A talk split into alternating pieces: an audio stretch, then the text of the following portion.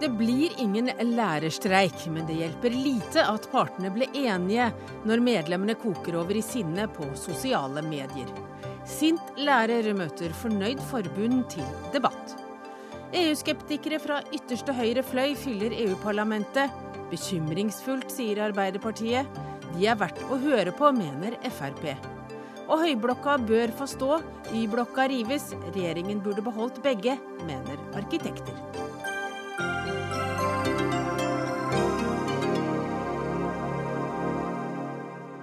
Ja, velkommen til Dagsnytt 18. Vi rekker også å knekke Manifests lærekode og reise en tur til Myanmar med Telenor før klokka er sju. Jeg heter Hege Holm, og aller først skal vi til kommuneoppgjøret. For på overtid, åtte timer på overtid, ble partene enige i dag morges, men ikke alle var like fornøyd med resultatet. Lærerne fikk mer lønn, men de må også binde seg til å være flere timer på skolen hver dag. Og Else Maria Klebo Haga, du er en av de sinte lærerne. Du jobber ved Jåttå videregående skole i Stavanger. Hva mener du er galt? Eh, for det første så har jeg lyst til å si at eh, vi har jo selvfølgelig ikke fått satt oss skikkelig inn i hele avtalen. Men det første reaksjonen vår er faktisk at eh, Utdanningsforbundet nå har forhandla fram en avtale lærerne ikke har gitt dem mandat til. Det vi ikke skjønner, er at utgangspunktet skal være KS sine krav. Jeg hørte Magnus Takvam sa i dag at Utdanningsforbundet nå må signalisere til medlemmene sine at de har, at de har klart å bevege KS. Vi starta altså langt inne på KS sin banehalvdel. Og motkravene, hvor har de vært? Men eh, Det er sikkert ikke alle som har fått med seg hvilke krav som er stilt. Men helt konkret, hva er det du er veldig misfornøyd med i den avtalen som nå ligger på bordet? Det er flere ting som jeg er misfornøyd med. Det som jeg kan ta nå, det er bl.a. den bindingen som du nevnte i begynnelsen. Uh, dette bunner for det første i mistillit til lærerne. Uh, KS har lenge signalisert at at uh, lærerne er en gjeng med opportunister. Altså at de ikke jobber hvis de ikke har noe igjen for det sjøl. Og derfor må de kontrolleres. Um, og det er fordi at du mener at det at dere blir bundet til å være på skolen sju og en halv time om dagen, det, det, er feil? Det er feil. Det er bundet bare i mistillit. Eh, og så sies det at eh, arbeidsforholdene skal være eh, lagt til rette. Altså når du ser på sosiale medier, når du hører blant lærerne, så sitter de altså rundt i korridorer og jobber. Der er 30-40-50 på ett arbeidsrom. Det er norsklærere som skal sitte retta. Det er andre òg som skal sitte retta, selvfølgelig, men disse har jo tre karakterer de skal sette. Eh, og forberedelser til undervisning det krever faktisk at du kan få følge en tankerekke uavbrutt. Og Det betyr at du bør kunne sitte hjemme om kvelden, er det det du mener? Det mener jeg, ja. Eh, telefoner som ringer slipper du, elever som kommer på besøk. Og vi er faktisk i interaksjon med elevene hele dagen. Og vi trenger å hente oss inn igjen etter undervisningsøkter. Eh, og, og vi, vi, kan ikke være kreative hele dagen etter å ha vært i undervisning med elevene. Eh, jeg mener dette er helt galt, for det er den fleksibiliteten vi har hatt til at vi faktisk da kan hente oss inn igjen og sette oss om kvelden og i helger og, og forberede oss og rette og være kreative. Ja, hvilke konsekvenser får det, mener du, at lærerne da skal sitte på skolen, eh, eller være på den skolen de jobber på sju og en halv time om dagen? Ja, Nå vil ikke jeg snakke bare for min skole, og jeg vil, jeg vil faktisk presisere at dette ikke, handler ikke om mistillit til lokale ledere, altså rektorer.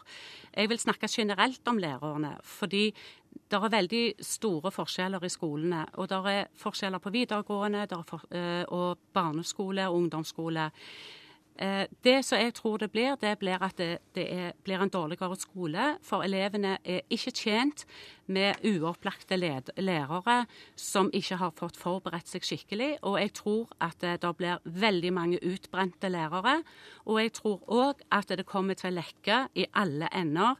Folk vil ikke bli lærere. Eh, AFP mange går av med AFP, og de i midten finner seg nye jobber. Så jeg tror det går under, utover undervisningstilbudet generelt sett. Hvis dette resultatet blir eh, sendt til uravstemning blant eh, medlemmene av Utdanningsforbundet, hva kommer du da til å stemme? Nei. Steffen Handal, du er nestleder i Utdanningsforbundet. Dette var litt av en salve. Nå har dere sittet på overtid åtte timer, forhandlet fram et resultat, og så får du dette slengt etter deg, at det er mistillit til lærere. Kanskje ikke dere engang har mandat fra de dere representerer. Hva vil du svare? Jeg tror jeg skal begynne med å, å trekke oss litt tilbake til vinteren og prøve å forklare lytterne også at vi var i en situasjon der hvor eh, ja, KS sa opp den arbeidstidsavtalen vi hadde, og alt var i spill. Og det er klart at I en sånn situasjon så er det viktig å sette seg ned og tenke over ja, hva er det, hva er det viktigste vi skal på en måte kjempe for. Og Vi bestemte oss veldig tidlig for å forsvare noen prinsipper rundt eh, lærernes arbeidstidsavtale. og Eh, de, de, handler jo først og fremst om å sikre denne tiden til undervisning, sikre tid til for- og etterarbeid, eh, sikre en sentral avtale, og sikre også lærerne, at lærerne er på skolen når elevene er der. Det var på en måte i hovedsak de prinsippene vi bestemte oss for å forsvare og kjempe for. Det Men er har... du fornøyd med det resultatet dere har kommet fram til? Jeg er fornøyd med det resultatet vi kom fram til i den situasjonen vi var da vi måtte bestemme oss for om vi tok det eller ikke. Eh, dette var så bra det ble. Eh, og så skal vi være klar over at vi står overfor en ganske offensiv arbeidsgiver her, eh, som egentlig ønsket full styringsrett, ingen sentral avtale, og der på en måte alle disse elementene med undervisningstiden var i spill. Det er klart at I en sånn situasjon så, er, så vil man ikke oppnå det som er det ideelle. Jeg vet at veldig mange lærere ønsket seg en prolongering av den avtalen Hva vi mener hadde. Du med det? At, at den gamle avtalen skulle fortsette. Og det, i den gamle avtalen så er, det ingen, eh, så er det ingen ramme for hvor lenge de skal eh, være på skolen om dagen? Jo, det er en, det er en ramme for det. En, det, er en, det, er en, tilstedeværelse der også. Det som, det som denne avtalen eh, nå gjør Jeg har lyst til å be om å få litt tid til å forklare det det er at man rett og slett sikrer disse undervisningstidene, altså årsrammene for undervisning, til lærerne. De er de samme som før. Lærerne skal være på skolen like mange dager som før, hvis ikke man avtaler noe annet lokalt. Og det er også sånn at man er sikret mer tid til for- og etterarbeid med denne avtalen enn den gamle avtalen. Og det er faktisk et element som også eh, læreren i Stavanger eh, peker på at hun ønsker seg, nemlig tid til forberedelse. Og jeg har lyst til å si at Spesielt for lærerne i, i videregående så er det sånn at denne avtalen regulerer og skjermer tid til for- og etterarbeid på en mye bedre måte enn den forrige. Og så har jeg lyst til å si disse syv og en halv timene som nå er bundet til arbeidsplassen, det er ikke et krav som Utdanningsforbundet i utgangspunktet hadde. Og det er ikke noe som vi ville kjempet for.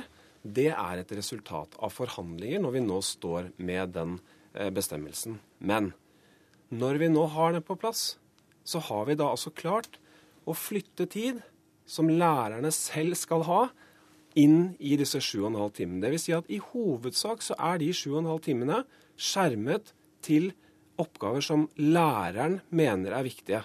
Det er ikke styringsrett. Det er ikke rektoren de, som skal bestemme. Sånn som det var i mye større grad. Før. Anne Finnborg, du er leder i Skolenes landsforbund. Dere er langt mindre enn Utdanningsforbundet, men eh, dere har ikke godtatt dette tilbudet fra staten.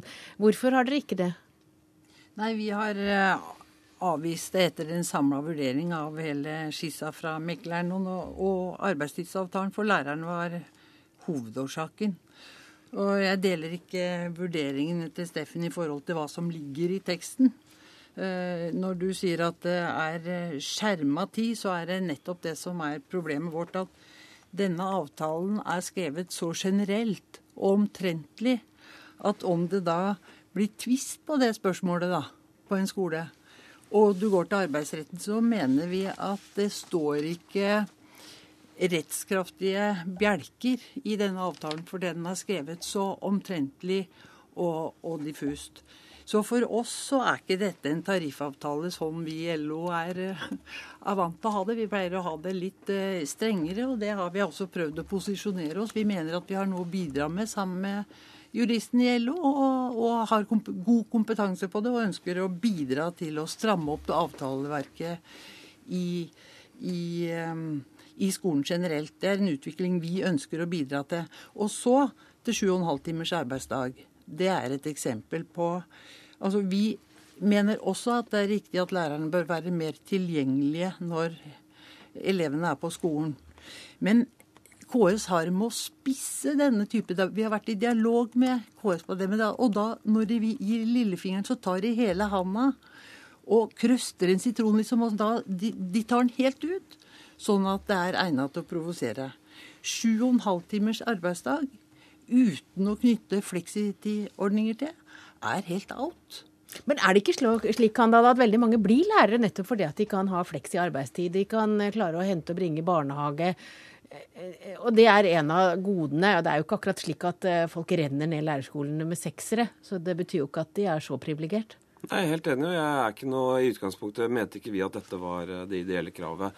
Men hvis det er dette tiden til for- og etterarbeid og skjermingen som gjør at Anne Finnborg og Skolenes landsforbund har takket nei, så syns jeg det er litt synd. For da, da, har de rett og slett ikke lest avtalen særlig godt. For her står det svart på hvitt. Lærerne får avsatt tid innenfor arbeidstiden på skolen til for- og etterarbeid og faglig ajourføring. Punktum. Det er ingen om eller men. Det er en soleklar avtale.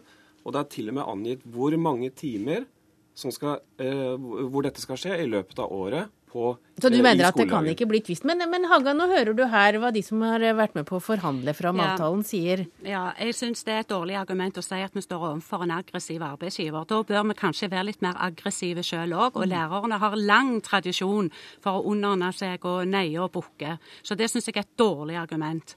Og når en sier at en sikrer for- og etterarbeid, så vet vi alle at det der ligger ikke arbeidsforhold til rette rundt om i skolene. Takene lekker fra før av. Det kommer ikke ikke til å bli gode arbeidsforhold. Nei, ja, og med hensyn til en annen ting jeg har lyst til å si, med hensyn til tid, økt tid til for- og etterarbeid, så trodde jeg, jeg gjelder ikke, det gjelder nyutdanna. Det gjelder ikke oss som har vært lærere en stund. Nei, Jeg har bare lyst til å si et par ting til. fordi at denne bindingen til arbeidsplassen den forutsetter, og det er altså soleklart i avtalen, den forutsetter at de fysiske arbeidsforholdene er til stede, ja. og at man har tilgjengelige ja. Eh, hjelpemidler. Men, men, men, hvis, man, hvis man, ikke har det, så står det mm. også eksplisitt at da skal eh, for- og etterarbeidet foregå hjemme. Men, sånn som tidligere. Ja, hvem, hvem, skal definere hva som er at arbeidsforholdene er lagt til rette? Nei, men hør nå. Ja, først tar vi Haga. Ja. ja, jeg lurer på hvem er det som skal definere at det er arbeidsforhold lagt til rette? Vi ser jo grelle eksempler på, kom, på kom, ja. fattige kommuner som ikke legger Absolutt. til rette noe som helst. Ja, vi har, vi har, faktisk undersøkelser som viser at over halvparten av lærerne sier at de ikke har disse fysiske ja. arbeidsforholdene. Og da gjelder ikke arbeidsplikten? Og da gjelder ikke denne,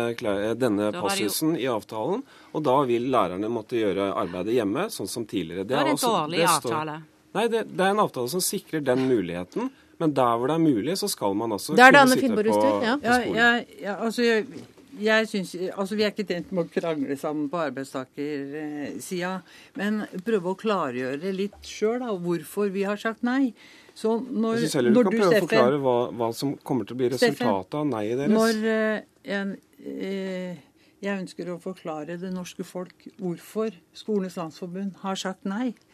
Og når du sier, altså Jeg prøver å forklare at vi er litt på forskjellig klode om hva en tariffavtale er. For når du sier at det er soleklart at når de fysiske forholdene ikke er gode nok, så gjelder ikke 7,5-timerskravet. Ja, Men det er formulert på denne måten. Dersom de fysiske arbeidsforholdene på skolen ikke er tilfredsstillende, er lærernes arbeidstid på skolen som foregående skoleår. Ja, Mer, mer upresist går det ikke an å få. Det står ingen kriterier. Hvem skal definere dette? Det er derfor det er laget en veileder til denne avtalen, som også vil bli offentliggjort i løpet av i dag eller i morgen. Der hvor det står helt klart hvilken prosedyre man skal gå gjennom for å definere hva som er tilfredsstillende. Og, og den er ikke sånn, framlagt for og partene. Og det er også sånn at uh, rektor og tillitsvalgte og arbeidsmiljørepresentanter Jeg skjønner at det er en del eh, uavklarte ting her eh, som mm. både Finnborg og Haga gjerne vil vite. Er dette her et resultat dere kommer til å sende ut til avstemning blant medlemmene? Ja, det, absolutt. Og både avtalen Frykter du at det blir nei? Nei, Både avtalen og veiledningen eh, skal sendes ut. og det, Alt skal være helt åpent. Og vi, og vi, har sikret oss nettopp at medlemmene skal få ta stilling til dette gjennom en uravstemning. Jeg tror faktisk at når medlemmene får se denne avtalen og virkelig satt seg inn i den, så tror jeg de vil se at det ligger mer her enn det som er på en måte eh, det som har blitt fokus i dag, disse sju og en halv timene. Det ligger faktisk en skjerming av for- og etterarbeidstid på en annen måte enn tidligere. Og det ligger også en passus som sikrer oss mot disse dårlige fysiske arbeidsforholdene. Det er viktige elementer i avtalen. Nå har vi i hvert fall luftet mm. debatten her i dag. Takk til deg, Steffen Handal, du er nestleder i Utdanningsforbundet. Takk også til Anne Finnborud, leder i Skolenes landsforbund, og Else Maria Klebo Haga, som er medlem av Utdanningsforbundet og lærer ved Jåttå videregående skole.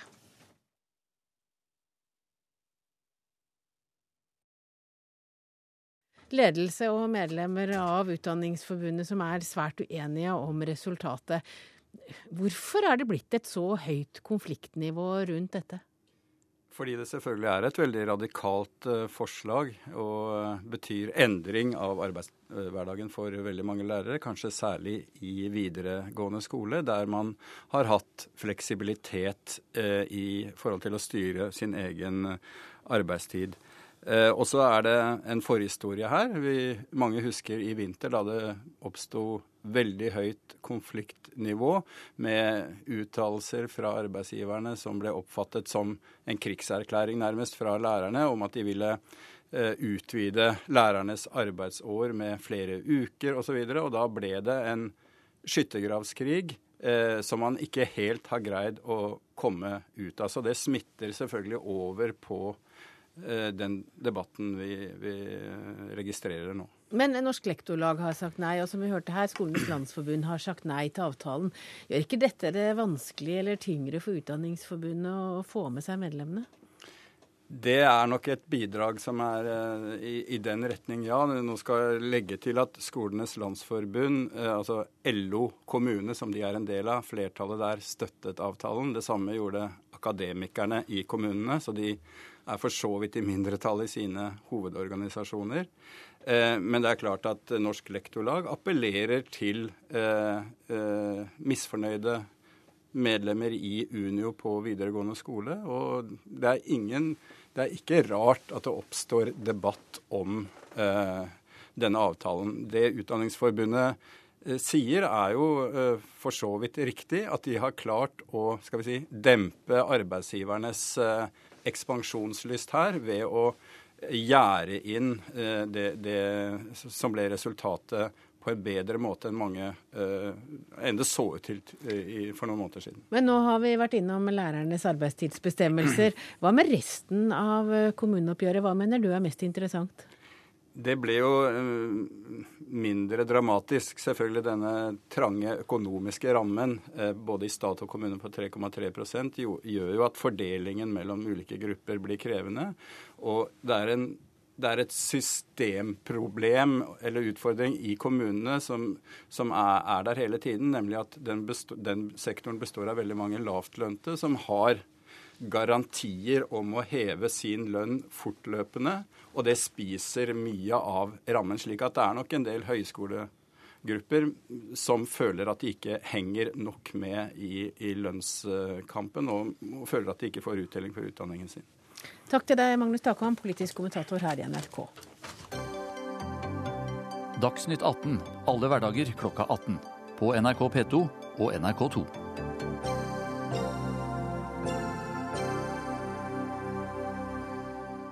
Vi skal ikke helt forlate dette temaet, for i en ny bok eh, om den norske skolen, så går du, forfatter Magnus Marsdal, til angrep på regjeringens skolepolitikk. Og du kaller eh, det den gjør for bedriftsgjøring av skolen. Eh, du er altså forfatter av boka 'Lærekoden'. og Den debatten vi hørte her nå, er det et bevis på akkurat det du prøver å synliggjøre? Ja, Boka handler jo om at vi trenger en myndig og profesjonell pedagog i klasserommet, og at det er vi foreldre som har mest bruk for det. For det er dem som skal ivareta ungene våre. Så vi hører jo at debatten handler om nettopp spørsmålet har forhandlerne stått opp for profesjonen sin, eller føler lærerne seg overkjørt. Og Hvis det er siste tilfellet, så kan det bli nei i uravstemninga. Det blir spennende å følge. Og Hvis lærerne må få vanlig arbeidsdag som hos andre, så er vel det et tydelig tegn på at eh, ting forandrer seg også i skolen? Eh, ja, det kan jo si det. Altså, det har jo ikke vært vanlig å tenke på skolen som en vanlig bedrift. Det har vært vanlig å tenke på som en samfunnsinstitusjon, og læreren med et samfunnsoppdrag som står litt over en, liksom en uh, samlebåndsjobb. Så det er jo der mye av striden rundt det med profesjonalitet står. da. Men, men, du mener i din bok at uh, det regjeringen har utviklet er en oppskrift på en skolefiasko, godt hjulpet av de rød-grønne? Hva mener du med ja, det? Det her ligger jo ikke mye på regjeringsnivå. Det er jo ofte lokale makthavere, for de styrer jo mye av grunnskolen, da, som får for seg at de skal opptre som nærmest en konsernledelse og vedta et krav om resultatframgang i grunnskolen. F.eks. i Sandefjord skal de bli fylkesmester i nasjonale prøver. og så setter de da... Det er alltid gøy å vinne. Ja, så setter de da rektorene til å frambringe de resultatene som, eh, som eh, direktører har bestilt. Og så er det f.eks. hemmelige resultatkontrakter for rektorene, som vi har hatt i Oslo-skolen i lang tid. Det er individuell lønn knytta bl.a. til prestasjoner blant elevene på sånne statlige tester. Men hvorfor eh, fører det nødvendigvis til fiasko? Og så er det andre insentiver som utløser konkurranseånden blant de voksne i systemet. Sånn at de skal eh, drives til å jage pene desimaltall blant sine barn. Og det som jeg er opptatt av, er hva skjer med ungene våre i skolen da? Når det er de voksnes prestisje som skal i motoren. Ja, hva skjer?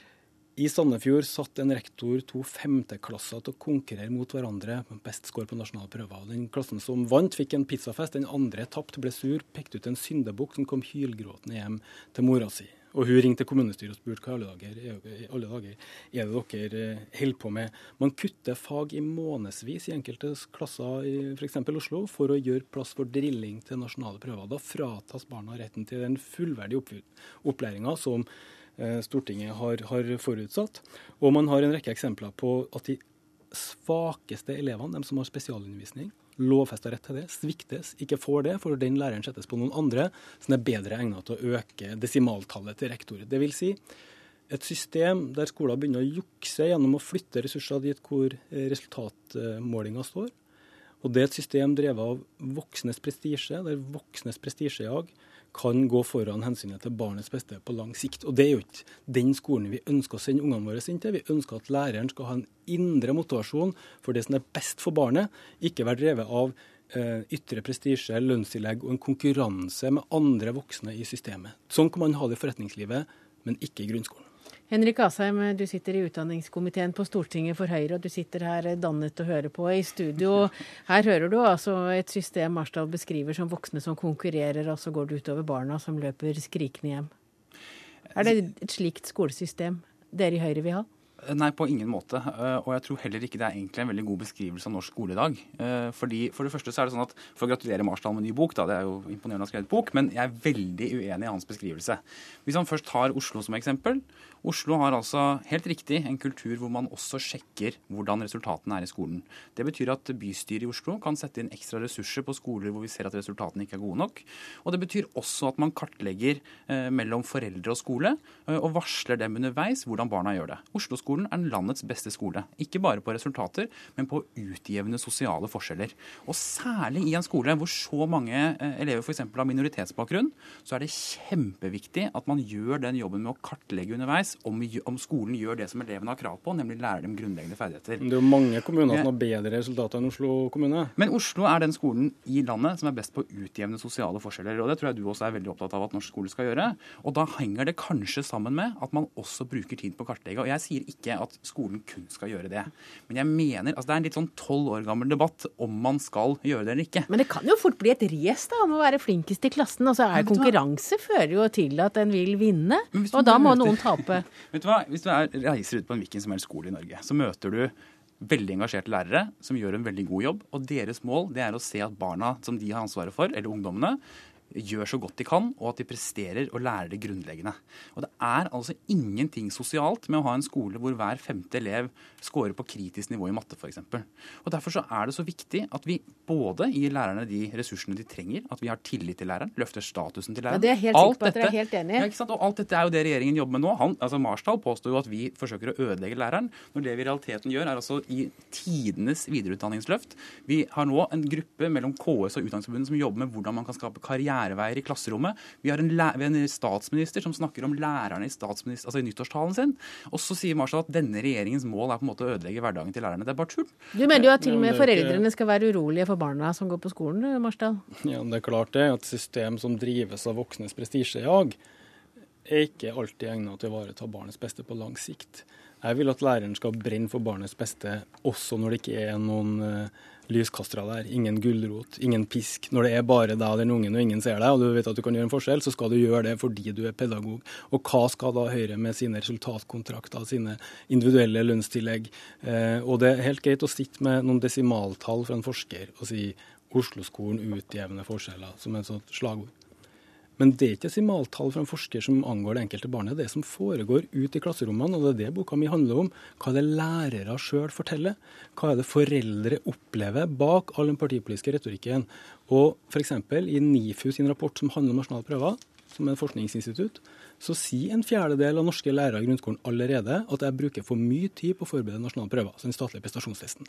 En fjerdedel sier at vi fjerner andre fag og nedtoner andre fag inn mot testen for å uh, lykkes på nasjonale prøver. Og det er starten på en trend. Så det er ikke 75% ennå, men det øker, det brer seg utover landet. Og det er drevet av voksnes prestisje. Og vi må spørre som foreldre og som ansvarlige skolepolitikere er konkurranse en måte å drive skolen på? Og det har Høyre vedtatt som Frp i sin ja, regjeringsplattform. Du synes, du ja, det står i regjeringsplattformen at, at konkurranse. konkurranse. skal være et bærende element i den offentlige virksomheten, også i grunnskolen.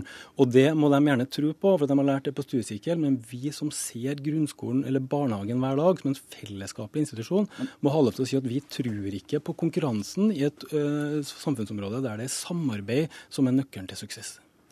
Noe av det som jeg begynner å bli litt lei av, det er å bli fortalt at man egentlig har onde hensikter med det man driver med. Det er ingen som har sagt ond. Jo, hør nå. Nei, det jo, står Marstad, i regjeringsplattformen at det skal være konkurranse. Det er ikke noe ondt med det, det er bare malplassert. Kan du la meg snakke ut? Ja. For du har gitt ut bok før, du, Marsdal.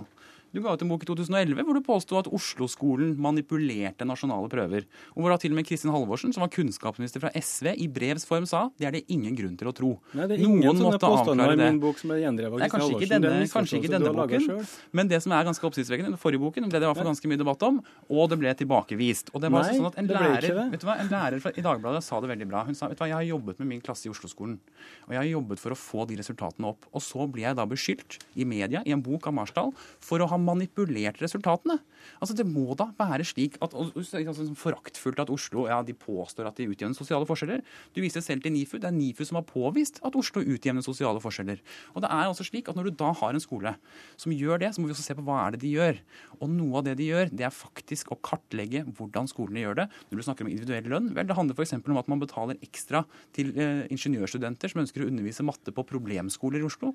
Det må da være positivt. Og når det til og med løfter resultatene gjennomsyrer grunnskolen og blant de voksne der. Når men, de har så Marstad, sterk indre motivasjon. Det du snakker om er en skolepolitikk som, eh, som både rød-grønn regjering og nå blå regjering eh, fører, som ikke er så forskjellig. Hva mener du er alternativet? Eh, for det første så er det en radikal forskjell på forrige rød-grønn regjering og den sittende regjeringsplattform som sier at konkurranse skal gjennomsyre eh, offentlig sektor, også grunnskolen. Det er noe nytt i forhold til det forrige. Når det gjelder nasjonale prøver, så er det ikke noe galt med testing i seg sjøl, men de rød-grønne har vært helt tydelige på at dette skal ikke brukes til rangering, kåre kommunens verste skole, faglig helt uholdbart. men lokalmedia gjør det. Det brukes til rangering. og Derfor har Senterpartiet vedtatt vi skal ikke ha nasjonale prøver i dagens form etter at min bok kom ut. Det samme har SV. Min forrige bok i 2011, da, ikke den som kom i dag. Eh, og SV vil ha utvalgsprøver, som Senterpartiet. At ikke hver eneste skole skal hvert eneste år ha den statlig pålagte testen, men en stikkprøve, sånn at det blir sjelden, sånn at konkurransekulturen ikke får sett seg i fellesskolen. Det er sånn typisk sosialistisk å tro at man kan hjelpe hver enkelt elev å regne ut gjennomsnittet. Det tror jeg ikke er spesielt lurt. Hva er det som regner gjennomsnitt? Det er nasjonale prøver. Men Marstad, du må slutte å avbryte, for det er veldig usympatisk. Og det er altså sånn at jeg mener bare helt til slutt at det man hører mye fra Marsdal, det er veldig mange gode anekdoter, men det er veldig lite innhold. Faktum er at Høyreskolen rundt om i landet er den som scorer best. Takk Men det, det, det, er ikke, det, er ikke, passende for et parti i maktposisjon å anse varslerne i skolesektoren i Norge som anekdoter. Takk til deg, Magnus Marsdal, forfatter av boka 'Lærekoden', og Henrik Asheim, du sitter altså i utdanningskomiteene på Stortinget.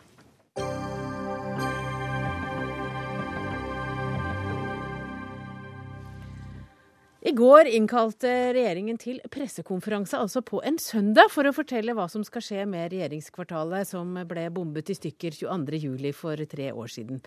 Regjeringen har nå bestemt seg for å bevare Høyblokka i regjeringskvartalet, mens flere av bygningene rundt, deriblant den karakteristiske blokka som er formet som en Y, skal rives. Og president i Norske arkitekters landsforbund, Kim Skåra, du mener at det er en dårlig idé å la Høyblokka stå og la Y-blokka bl.a. rives. Hvorfor det? Altså Aller først må vi jo si at vi er jo veldig fornøyd med at man har tatt den beslutningen om å bevare Høyblokka. Det må vi passe på å si. Og eh, det, eh, i denne sammenheng så sier vi også at disse byggene hører sammen. Og eh, vi er litt forundret over at man tar beslutningen om å rive Y-blokken før man har sett helheten i hele regjeringskvartalet. Så vårt budskap er hold en idékonkurranse før man tar den beslutningen. Men veldig mye av debatten har jo handlet til nå om Høyblokka. Som mm. et nasjonalmonument, som et symbolsk bygg. Ja, den har også handlet om begge byggene. Så mange... dere har kanskje ikke fått summetonene? jo, altså Det er veldig mange i fagmiljøet som er ganske unisone på det at man må se dette i sammenheng. Disse to byggene er jo planlagt i en sammenheng og Derfor så er det feil å skille de fra hverandre. Så vi mener at man bør ta den eh, øvelsen først. Og så får man vurdere alle fordeler og ulemper ved å ta vare på den. Men eh, ikke konkluder for raskt. Det er vårt budskap. Ja, Kommunal- og moderni moderniseringsminister Jan Tore Sanner, eh, har dere tatt en litt for rask avgjørelse for å, for å bli ferdig med saken? Nei, på ingen, på ingen måte. Men vi har tatt en beslutning. Eh, og jeg mener at det er viktig. Eh, vi har brukt nå god tid eh, på å vurdere, ha ulike dialoger. Vi har fått konseptvalgutredningen, vi har fått kvalitetssikringen. Og nå var tiden inne til å ta beslutninger og komme, komme videre. Dette er et veldig stort prosjekt. Eh, og det er mange prosesser som skal gjennomføres. og da, Derfor var det også viktig at regjeringen nå tok nødvendige beslutninger. Og dette er en, det er en, det er en helhetsvurdering. Eh, vi er opptatt av at det nye regjeringskvartalet det skal være moderne, det skal være åpent, inviterende. Men vi må også tenke på sikkerhet og trygghet både for ansatte og, og besøkende. Men hvorfor har dere valgt å bevare Høyblokka? Ja, Det var en beslutning eh, som vi kom frem til etter å ha både lyttet til ulike innspill, men også fordi vi har vært veldig opptatt av å ta med noe av det gamle inn i det nye. Jeg mener at det er en veldig sentral eh, verdi. Og det er ingen tvil om at Høyblokken representerer et viktig uttrykk både arkitektonisk eh, og også politisk fra etterkrigstiden. Og det å ta med da Høyblokken inn i det nye regjeringskvartalet, det er jeg veldig overbevist om er en veldig fornuftig og god beslutning. Noen har sagt at uh, vår beslutning fremstår som et form for nasjonalt kompromiss. Jeg mener at det er en god beslutning fordi vi nå Men vi gjør jo det. Jo, men det vi, jo, men det vi gjør, det er å skape mulighet både for å skape det moderne, men samtidig hvor vi får også åpnet byrom. Y-blokka den går over Ring 1, over en vei. Å sikre den, skape sikkerhet uh, for, for den, den, uh, den kontorbygningen, er veldig, veldig vanskelig. Eh, det registrerer jeg også at Riksantikvaren har slått fast at han er glad for vår beslutning når det gjelder Høyblokka. Eh, og så har han forståelse for den konklusjonen vi har kommet til når det gjelder eh, Y-blokka. Så i tillegg til sikkerhet, så åpner vi nå opp plassen mot Deichmanske. Og vi skaper også en unik mulighet til å få mer åpne og grønnere byrom inn i det nye regjeringskvartalet, og det er også viktig. Hvor, hvor viktig eller hvor avgjørende har den debatten som har gått rundt dette temaet nå over flere år vært for avgjørelsen deres? Den har vært viktig. Eh, og jeg er veldig opptatt av at eh, det nye regjeringskvartalet, der skal ikke beslutningene tas i, i de lukkede rom. Vi skal ha en åpen eh, debatt. Jeg har vært veldig opptatt av å lytte til Oslo kommune, både til politikerne og administrasjon. For det nye regjeringskvartalet skal bygges i hjertet av Oslo. Og da skal vi også ta hensyn til byens ønske om at det skal være åpent og inviterende.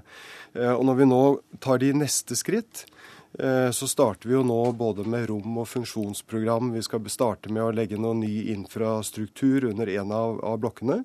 Eh, og I tillegg vil vi da til neste år starte reguleringsplanarbeidet og ha en åpen idéfase, hvor vi kommer til å invitere ulike miljøer til å komme med innspill til hvordan det nye regjeringskvartalet skal se ut. Men Skåra, Det snakkes jo her om at det kan komme et høybygg som kommer til å rage over Høyblokka. Vil ikke den miste en del av funksjonen da, hvis den liksom på en måte ikke blir høyblokk lenger, men bare jeg vet ikke om den mister funksjonen, men den vil vel kanskje miste noe av eh, sin karakter sånn som det er i dag. Så vi er veldig spent på hva som ligger bak disse uttalelsene. Men igjen, hold en idékonkurranse om hele kvartalet. Det er, mener vi er veldig viktig. Vi har veldig gode eksempler på idékonkurranser hvor, eh, hvor, man har fått kommet frem til veldig gode løsninger. Så vi mener at man må holde den døren åpen. Vi, eh, det er eh, Men Sanner, dere har lukka døren for diskusjonen om hva som skal bevares og hva som skal vernes? Regjeringen har tatt de beslutningene, og det, det var viktig. fordi vi, vi, har nå hatt debatter gjennom, gjennom flere, flere år. Vi må komme, komme, komme videre. Eh, det tar tid å bygge opp et så stort regjeringskvartal. Eh, og Derfor så, så, er de beslutningene nå tatt. Og Jeg vet jo også at det er ulike oppfatninger om dette også i arkitektmiljøene. Det har vært debatt om Y-blokken helt fra den ble, ble, bygget. slik at det er ikke et entydig bilde heller blant arkitekter. Det er ulike syn. Og når vi mente at vi hadde et tilstrekkelig beslutningsgrunnlag, vel så mente vi at da var tiden inne til å ta beslutningene og komme videre.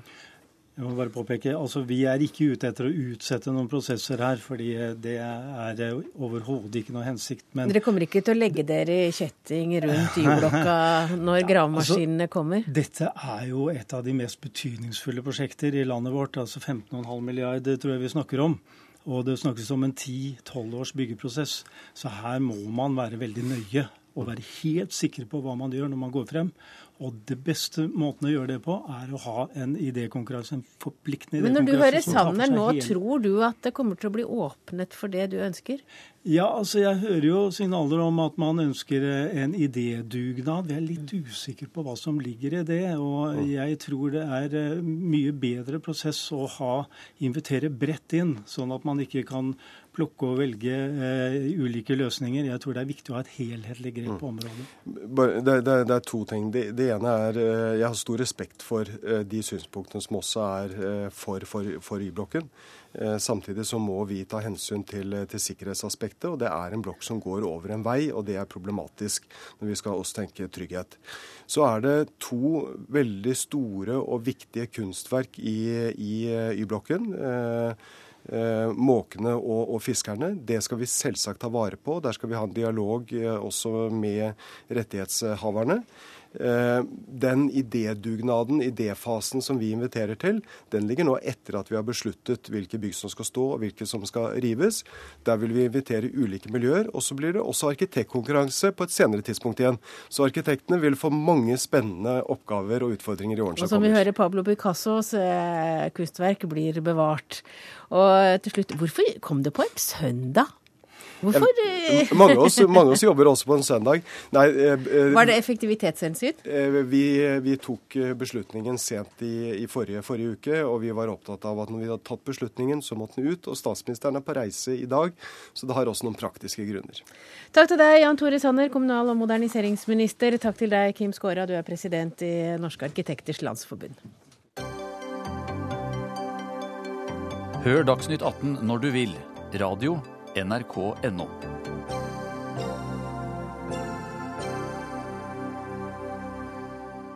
Da skal vi ut i verden. De EU-skeptiske partiene i EU har gjort et brakvalg til EU-parlament. Partiene dobler antall seter i EU-parlamentet og får en oppslutning på rundt 17% Europakorrespondent i NRK Åse Marit Befring, eh, hvordan blir dette valgresultatet mottatt? Ja, Det varierer eh, ettersom hvem du spør. I Frankrike så blir oppslutningen om Marine Le Pens parti Nasjonal Front forstått som et uttrykk for folks sinne mot regjeringen. Eh, samtidig med at eh, Francois Hollande har tapt kraftig. Han fikk bare 13% eller hans regjerende sosialistparti. Presidenten selv har frastått å kommentere resultatet der, men innenriksministeren har kalt dette et politisk jordskjelv.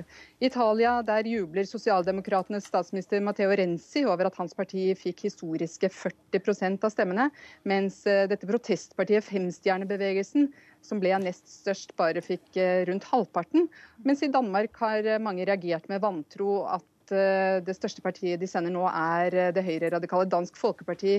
Og svenske Moderaterne er overrasket over at de fikk rekordlav oppslutning, bare 13% og det bare noen måneder før riksdagsvalget. Det var jo fryktet at det kom til å bli veldig lav valgdeltagelse. Hvordan er fasiten? Nei, Den ble ekstrem lav som ventet. Fire av ti gikk til eh, stemmeurnene. Og det blir jo da forstått som en slags dom over den eh, historisk vanskelige krisen man nå har vært igjennom. Hvordan EU har taklet den. Eh, det blir sett som en mistillit til politikerne. Og man snakker om at gapet mellom politikerne i Brussel og vanlige folk nå har økt. Hvordan blir sammensetningen i EU-parlamentet etter dette valget? Ja, Dette er jo ikke helt ferdigregnet, men det er klart at uh, man får et EU-parlament som blir mye mer polarisert. Partiene på midten, Sosialdemokratene, de liberale og konservative grupperingene, de har mistet rundt 90 mandater, mens ytterkanten har vokst. Litt på venstresiden, men mest da på, på høyresiden. Eh, men fortsatt så er det sentrum-høyre som er størst, eh, med sosialdemokratene like bak. Og De Grønne klarte seg overraskende bra. Norske Eva Jolie beholdt sin plass i parlamentet, og de liberale tapte ganske kraftig. Eh, men det er altså fløyene som har gjort det best. Ja, og da ga du meg anledningen, for vi har med oss Eva Sjolivi. Gratulerer med gjenvalget til EU-parlament. Ja, tusen takk for det. Du har jo uttrykt bekymring over at Marine Le Pen og det høyreorienterte partiet Nasjonal Front fikk rundt 26% av stemmene. Hva tror du er årsaken til denne oppslutningen? Ja, altså det er en det er, de har altså en fjerdedel av alle uttrykte stemmer til dette valget. Og de har fire ganger så mange stemmer som ved forrige europavalg. Men de har færre stemmer i absolutt verdi enn de hadde ved presidentvalget. Uh, og det, de kommer jo av at det er ved stor uh, abstensjon. Altså det er, som vi sa i stad, det, det, er bare 30, 43 i Frankrike som stemte, mens 57 holdt seg tilbake. Og jeg tror at alle franske politikere i dag de er eh, i sjokktilstand. Altså, vi, vi liker ikke å se at eh, landet vårt uh, har båret frem et ekstremt høyre parti på en så høy prosent. Og jeg tror jo ikke at 25% av befolkningen er rasister eller fascister. Det tror jeg ikke. Og jeg tror de er de, altså Marine Le Pen hadde gjort dette valget ikke til et valg for Europa, men til et referendum mot François Hollande. Og jeg tror i flere valg nå har vi sett at uh, velgerne de, de, stemmer ikke for. De er ikke en del av et prosjekt lenger. De stemmer imot. Og jeg tror det er det som har skjedd. De har stemt imot. Det er i protest det er i protest, tror jeg, veldig mye mot uh, at de mangler at Altså, velgerne kjenner seg ikke igjen lenger i sin egen verden. Og jeg tror at Marine Le Pens uh, tale når det gjelder uh, nasjonal forrang, når det gjelder preferanse for nasjonale, det er det folk stemmer også for. Men du skal jo sitte i EU-parlamentet sammen med alle representantene for eh, Marine Le Pens eh, parti. Hva tror du de vil bruke muligheten til? Altså, Jeg tror de, de bruker Hittil så har de ikke gjort noen ting. Altså Om dere går inn og ser på Vote Watch, det finnes jo en ONG som følger hva vi gjør, så vil dere se at Marine Le Pen i løpet av fem år har, uh, ikke har laget noen rapport, ikke har stilt spørsmål. altså hun hun har holdt et par innlegg uh, i plenum. Er, altså, aktiviteten hennes er veldig nær null, og det er den for alle de ekstreme. De kommer uh, og, til suppeskålen også. ikke sant? De, nå, nå, vil de jo få midler. Nå vil gruppen få midler. Før så var det ingen gruppe, så de hadde ingen taletid f.eks. Nå får de alle attributtene til en gruppe, så de vil få større slagkraft. Men de vil ikke være i stand til å blokkere arbeidet i parlamentet, fordi sosialdemokratene og de konservative har flertall uten noe problem. Og Men Eva Jolie, du er bekymret for utviklingen? Jeg er veldig bekymret for utviklingen. Fordi, Hvorfor det? Jo, fordi vi vet, vi vet, vi vet i historien hva det, hva det betyr når folk Altså når man ikke glemmer hvor vi kommer fra. vi så vet vi at eh, et parti som hisser opp befolkningsgruppene mot hverandre, de frigjør hattalene, de frigjør uh, antisemittismen, de, fri, de, frigjør antimuslimene. Og de, de, for meg så er, um, så er frem, fremtiden til Frankrike, som er et uh, kosmopolitisk land Vi har åtte millioner uh, muslimer. Uh, mange de fleste av dem er født her. Foreldrene er født her. De er, altså, besteforeldrene var innvandrere. Og Marine Le Pen kan ikke trylle dem vekk. Så det, det fører ikke noe sted hen annet enn til krig. Så uh, dette, jeg tror det er, det er det, som er virkelig grusomt for oss, det er at hele venstresiden har brutt sammen. Altså, Sosialistene de har sitt historiske lavmål. De har under 14 Og uh, hele venstresiden, om du regner med De grønne på venstre, så er, ikke vi, er det ikke mer enn 30 ikke sant? Så det, og, og, og fremtidsprosjektene, uh, modellen som, som vi forsøker å leve opp til, eller vise frem, skal vi si, punktet på horisonten hvor du skal gå, det blir helt borte uh, nå.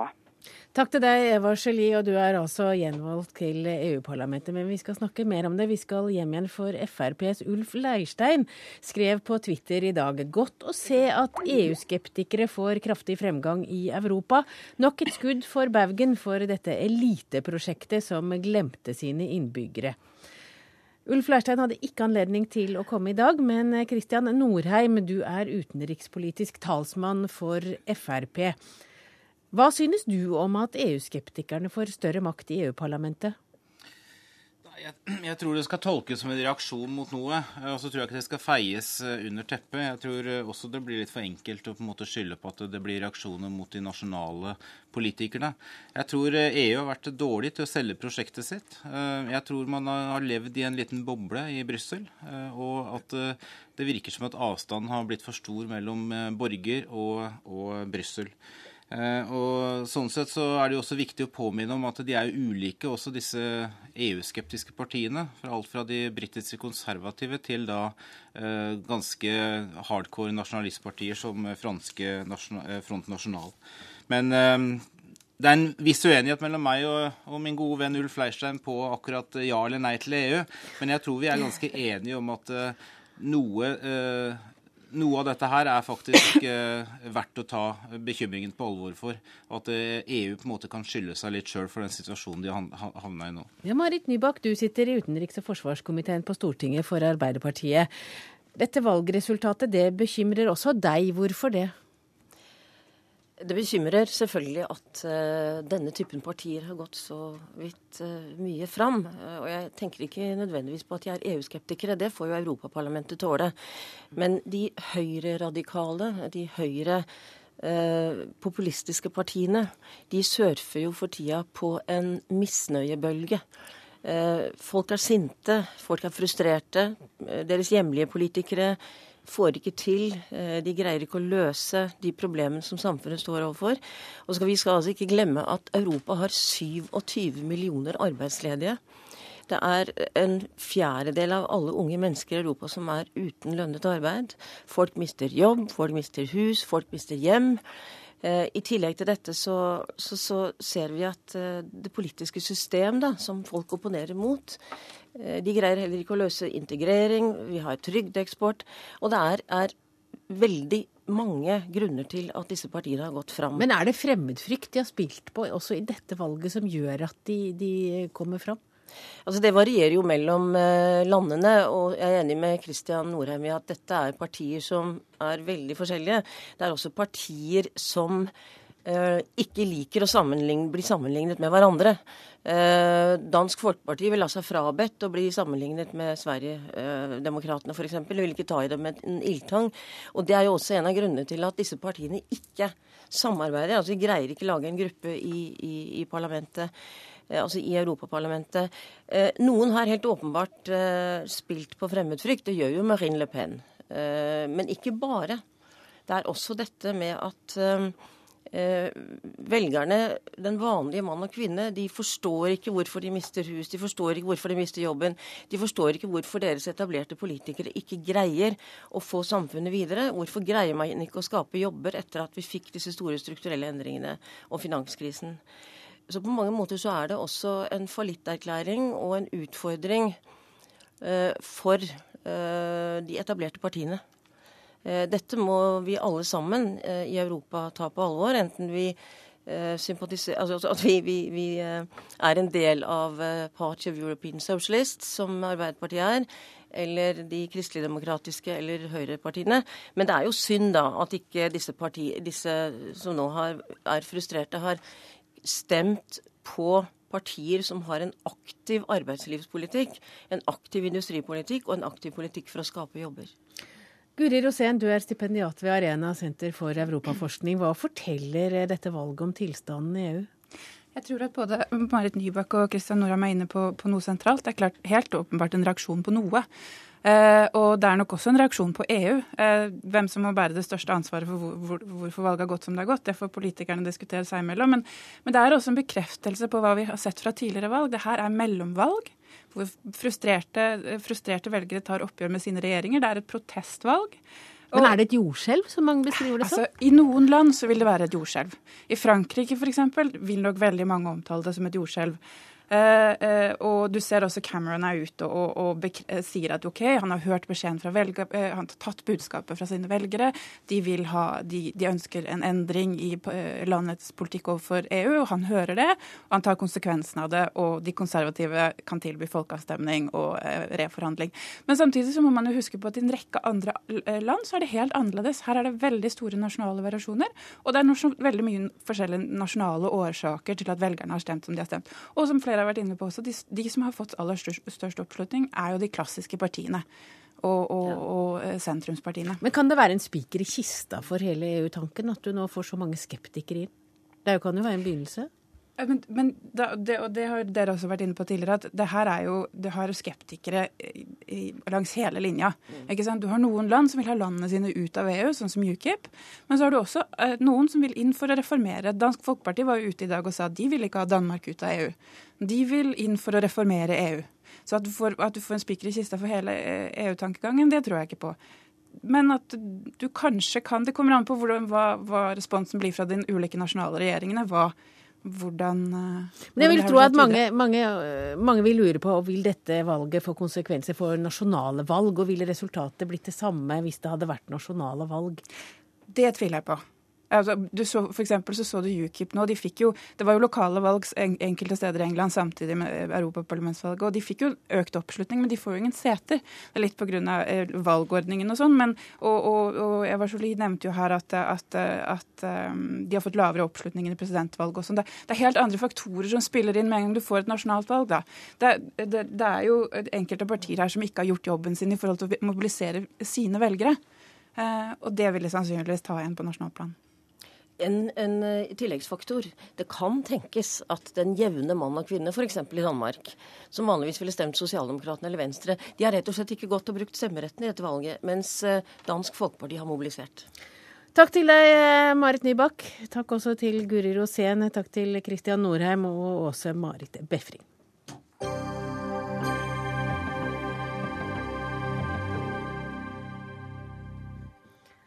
Nå skal vi møte en mann som kan ha mange gode grunner til å sove dårlig om natta. Militærkuppet i Thailand gjør det usikkert for Telenor, som eier landets nest største teleselskap.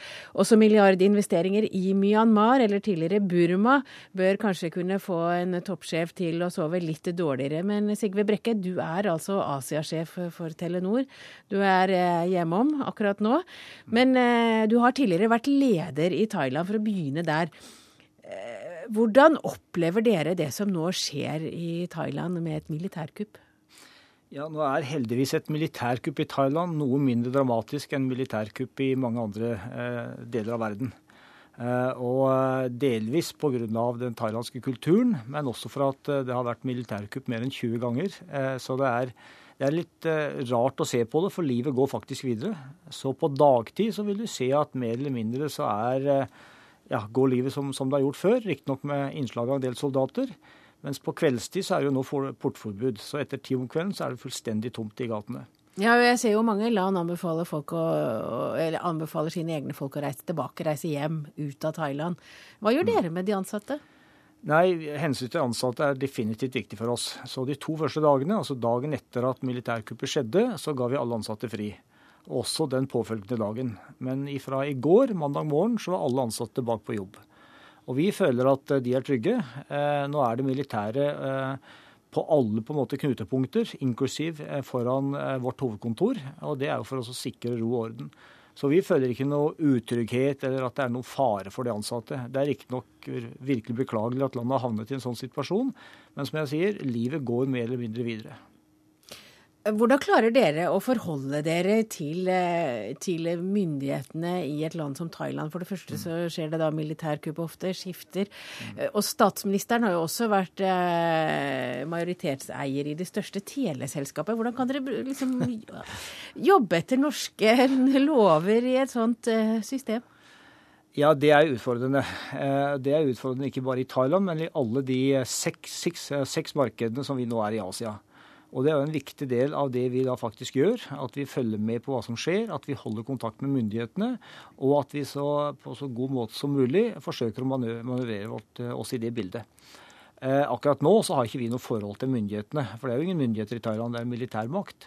Men bortsett fra det, så, så, har vi hatt eh, et forhold til myndighetene der som vi nå har i Myanmar, eller som vi har i, i, de andre landene som vi opererer. Ja, Skal vi gå til Myanmar, for det er jo et land med 60 millioner innbyggere. og der der er det mørkt på landsbygda og, og, rimelig urbanisert og moderne i byene. Og der har dere tenkt å få folk til å bruke mobiltelefon. Er ikke det litt optimistisk et sted hvor det ikke er strøm engang? Jo, det sa folk når vi gikk inn i Bangladesh også, for eh, nå 17 år tilbake. Eh, hva i alle dager eh, kan en mobiloperatør gjøre i et land som Bangladesh, som er blant de fattigste i verden? I dag har vårt selskap, altså Telenor i Bangladesh, har nå 50 millioner kunder. Eh, vi tjener penger, og vi, vi, sørger for at landet får en infrastruktur som de så eh, sårt trenger. Akkurat det samme har vi tenkt å gjøre i Myanmar. Vi har nå lang lang erfaring fra Asia, 15 års erfaring, som jeg sier. Vi har 160 millioner kunder, og vi har opparbeida ganske mye kunnskap om hvordan vi skal drive mobiltelefoni i massemarkedet. Altså hva slags type prising ja, Men hva gjør det da når en tele, hvis du, du, vil altså at 20 av, av eh, befolkningen skal få mobiltelefon? Ja, mer enn det. I løpet av åtte måneder? Ja, og i løpet av fem år skal 90 ja. få Og når det ikke engang er strøm, hvordan skal du få lada mobiltelefonen da? Bare for noe så enkelt som det, hvis du ikke har strøm? Ja, altså Hovedutfordringen i, i Myanmar akkurat nå, det er å bygge ut nettet vårt. Eh, og Der starter det med noe så banalt som at ingen vet hvem som eier landet. Altså Det er ingen landlov. Eh, etter at du da har prøvd å finne ut hvem er den rettmessige eier av landet, så skal du forsøke å få byråkratiet til å gi deg en byggetillatelse. Og det er ingen systemer på det heller. Etter at du da har fått opp tårnet ditt, eller nettverket ditt, så er det bare 30% av landet som har strøm. Og Da må vi da bruke alternative metoder. Vi må bruke dieselaggregater, vi må bruke batterier, vi må bruke solcellepaneler. Så vi må tenke annerledes enn det vi gjør i Norge eller i den delen her av verden. Men igjen så er ikke dette her så annerledes enn hva vi har erfart etter mange år i både Bangladesh, i Pakistan, India, for å ta noen eksempler. Og vi, vi, er godt forberedt, eh, og så langt så er det ingenting som har overrasket oss negativt. Eh, snarere tvert imot. Jeg vil gi honnør til myndighetene for måten de har fasilitert hele den prosessen på. Ja, det, det var jo norske Burma-komité. De, de, fryktet jo når dere nå gikk inn for et år siden og fikk lisens, at dere ville opptre veldig ukritisk i forhold til regjeringen for å holde mm. dere inne med dem. Nei, langt ifra. Gjør dere det? For, nei, langt ifra. For oss er det ekstremt viktig at vi gjør tingene riktig. Eh, ikke bare for at vi er et norsk selskap, men det er en, en viktig del av Telenors måte å operere på. Så vi, vi, vi, må sørge for at det er ingen korrupsjon. Vi må sørge for at eh, arbeidsforholdene er, er ordentlige. Vi må sørge for at vi behandler eh, alle på en respektfull måte. Og vi har faktisk tenkt å ikke bare gjøre det, men å bruke det som en del av vår merkevarenavn. Be the good guy, som vi bruker som et slagord. Eh, og Det her er det vi gjør i andre markeder òg, og som vi også har tenkt å gjøre i Myanmar. Det tar riktignok noen ganger litt lengre tid. Eh, det gjør at du må eh, istedenfor å ta noen, eh, noen, snarveier for å oppnå det du, du, vil, så gjør du ting på en riktig måte. F.eks. alle som ønsker å samarbeide med oss, altså alle leverandører underleverandører, må signere våre regler. Så du tror at du gjør Myanmar eller Burma til et bedre land ved Telenors tilstedeværelse? Det som gir en ekstra dimensjon til oss i Myanmar, i tillegg til penger, er at vi er med å bygge landet. Og vi kommer til å ha en vesentlig innflytelse i utbygging av infrastruktur og utviklingen av det samfunnet. Men kjenner jeg dere rett, så er det pengene som dere tjener som gjør at dere er der. Takk til deg, Sigve Brekke. Du er Asia-ansvarlig i Telenor, og det er eh, du som fikk det siste ordet. Vår sending er slutt. Bjørn Atle Gillestad har vært ansvarlig. Teknisk ansvar hadde Karl Johan Rimstad. Jeg heter Hege Holm, og vi høres igjen i morgen.